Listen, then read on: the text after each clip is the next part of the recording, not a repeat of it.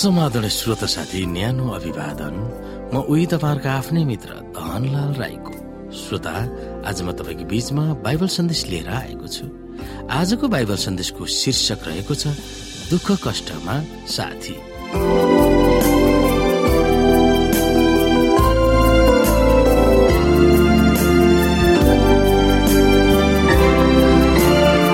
श्रोत साथी यसो स्वर्गमा उक्लिनु भएपछि यसो आफ्ना चेलाहरूमा अन्तिम बाँचिरहेका यहोन्ना कहाँ भेट्न आउनु भएको थियो। यहोनालाई ग्रिकको समुद्रको टापुमा निर्दय र पत्थर हृदय भएको रोमी सम्राटले अथवा रोमी सम्राटको हुकुम अनुसार निर्वासनमा पठाइएको थियो। त्यस टापुमा पत्थरहरूको बीचमा एक्लै फ्याँकिएको थियो वा आइसोलेसनमा थिए।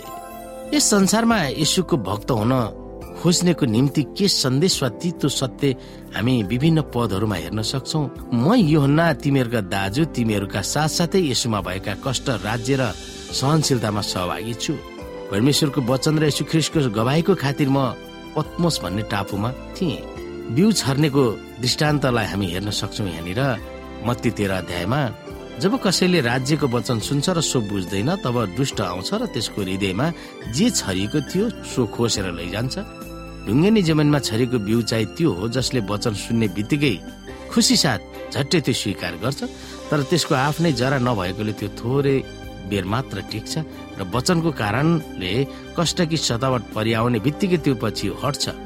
र यसै गरी हामी अर्को पुस्तकलाई पनि हेर्न सक्छौँ बाइबलमा यहाँनिर प्रेरित चार अध्यायको भोलिपल्ट यिनीहरूका शासकहरू धर्मगुरुहरू र शास्त्रीहरू एरुसिलेममा भेला भएका थिए।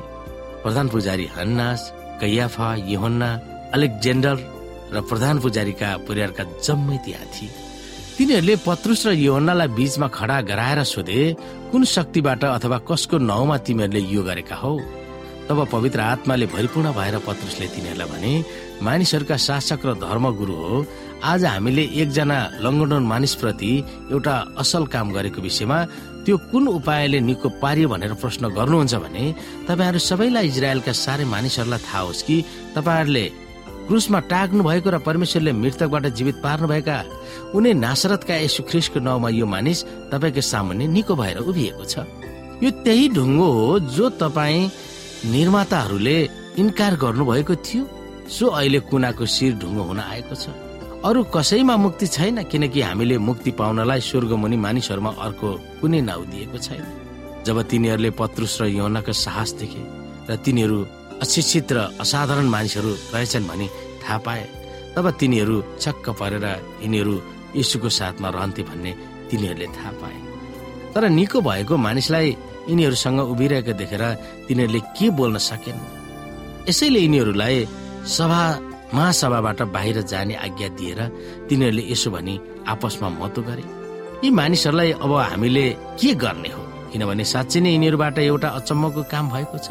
भन्ने एरुसलेममा बासिन्दाहरूलाई जम्मै प्रष्ट भइसकेका छन् अथवा प्रकट भइसकेको छ र हामी यो इन्कार गर्न सक्दैनौ।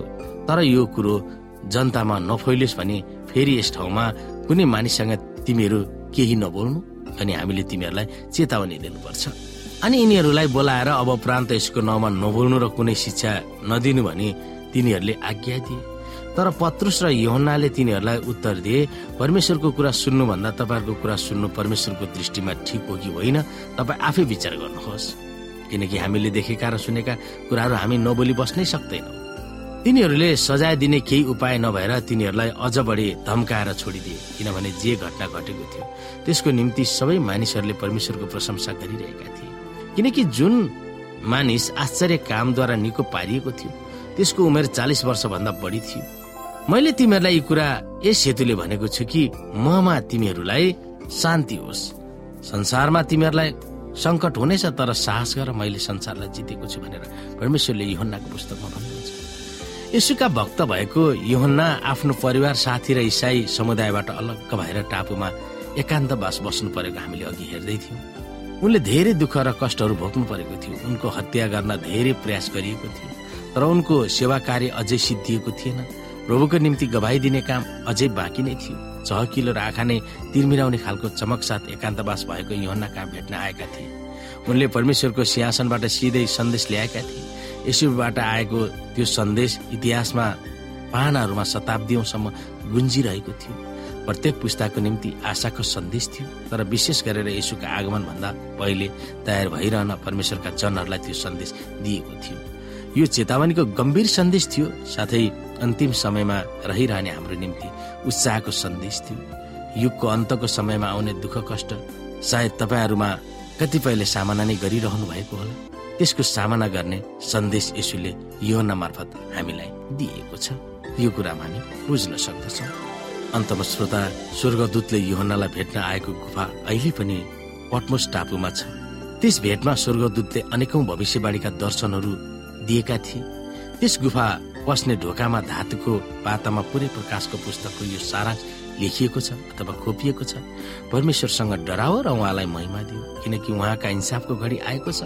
स्वर्ग पृथ्वी समुद्र र पानीका मूलहरू बनाउने हुनेलाई दण्डवट गर। प्रकाश चौधको साथ।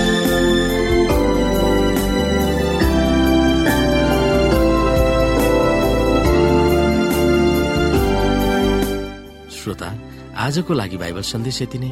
हस्त नमस्ते। जय मसिंह।